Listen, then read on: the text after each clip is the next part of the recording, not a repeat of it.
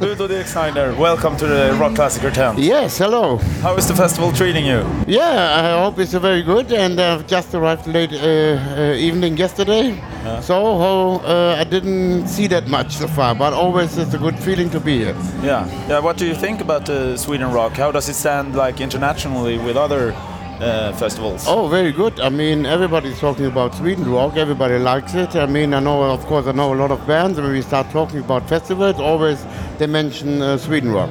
Yeah, yeah. I talked to Lordi and he said you were, yeah, you were friends. You played. Oh yeah, yeah. We are we are very good friends. Uh, he wanted to, to see you. I think he stayed actually to to see. I don't know. Uh, uh, uh, your greatest memory from festivals? Greatest memory, yeah. I mean, uh, I've been here so many times, and it's always uh, the atmosphere is fantastic, the audience is fantastic, and uh, yeah. What can I say? I'm looking forward to, for play, for playing to play tonight, and um, yeah, Yeah, perfect. Yeah, and you're only gonna play Accept songs Yes. now for the last time. yes. Do you think you'll miss the songs? In a way, yes. Let's be honest. I mean, it's just, uh, of course, I know it's for the last time, but it's sometimes also a little bit sad on, on stage.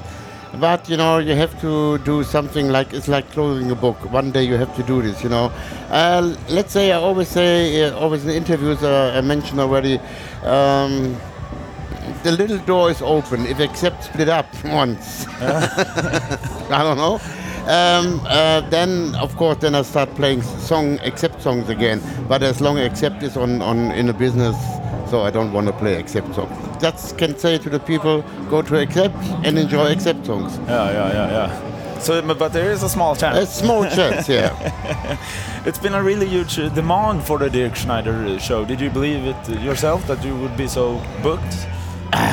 Yeah, for the Dirk Schneider shows, I mean, um, the whole thing was uh, not planned like in this way. You know, we're on the world tour me- meanwhile with this, and it was just planned to do some shows in the beginning, maybe special 10 special shows with this.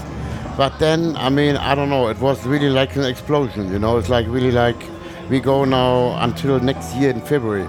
So, on right, tour. yeah. So we're coming back also to Sweden uh, for four shows, and uh, yeah, I'm really, I don't know, I'm, I'm really excited about this, and it means, uh, for me, it means a lot. Yeah, I read somewhere that it will be re released as a DVD and stuff. Yeah, one it's coming. I think the release day will be in October. With a DVD, we record the whole thing in Germany this time, and um, yeah, I'm really looking forward to this, and it will be a historical thing. Oh yeah, you- you're going there later or have No, already recorded? We recorded Uh, already. I'm just also um, working on this. You know, watching all the cuttings of the video, and uh, it's a lot of work. Yeah, I have to ask about song uh, um, uh, "I'm a Rebel." It Yes. Written to ACDC, right? Yeah, this is uh, the the song is written by George Alexander, but it's a fake name. It's uh, uh, uh, George Young. He was Oh. a, guitar player in in Easybeats. It's the brother of uh, of of all the young brother uh, young guys. Yeah. Yeah. Alright, Awesome.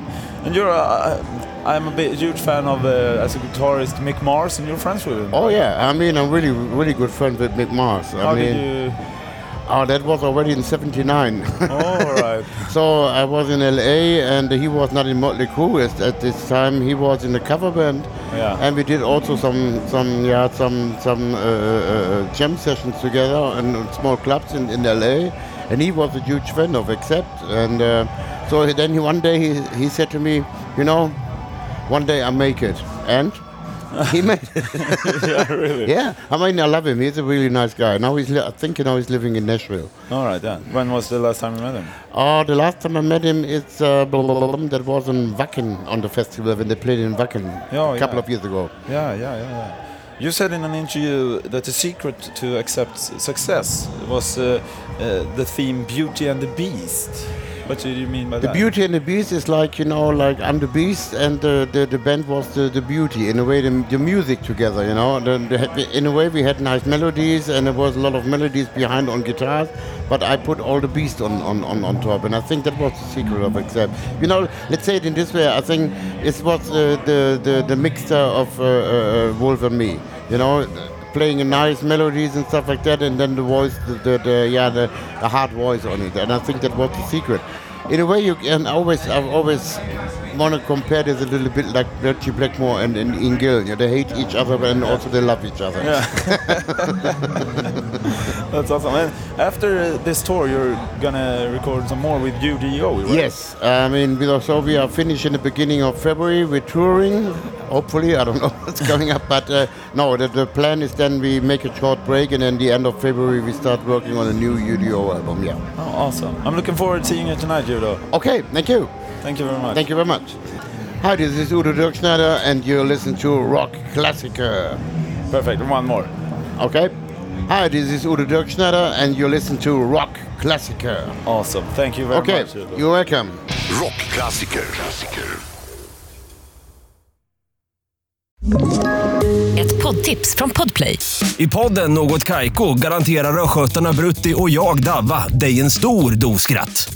Där följer jag pladask för köttätandet igen. Man är lite som en jävla vampyr. Man har fått lite blodsmak och då måste man ha mer. Udda spaningar, fängslande anekdoter och en och annan arg rant. Jag måste ha mitt kaffe på morgonen för annars är jag ingen trevlig människa. Då är du ingen trevlig människa, punkt. Något Kaiko, hör du på Podplay. Därför är gardinerna.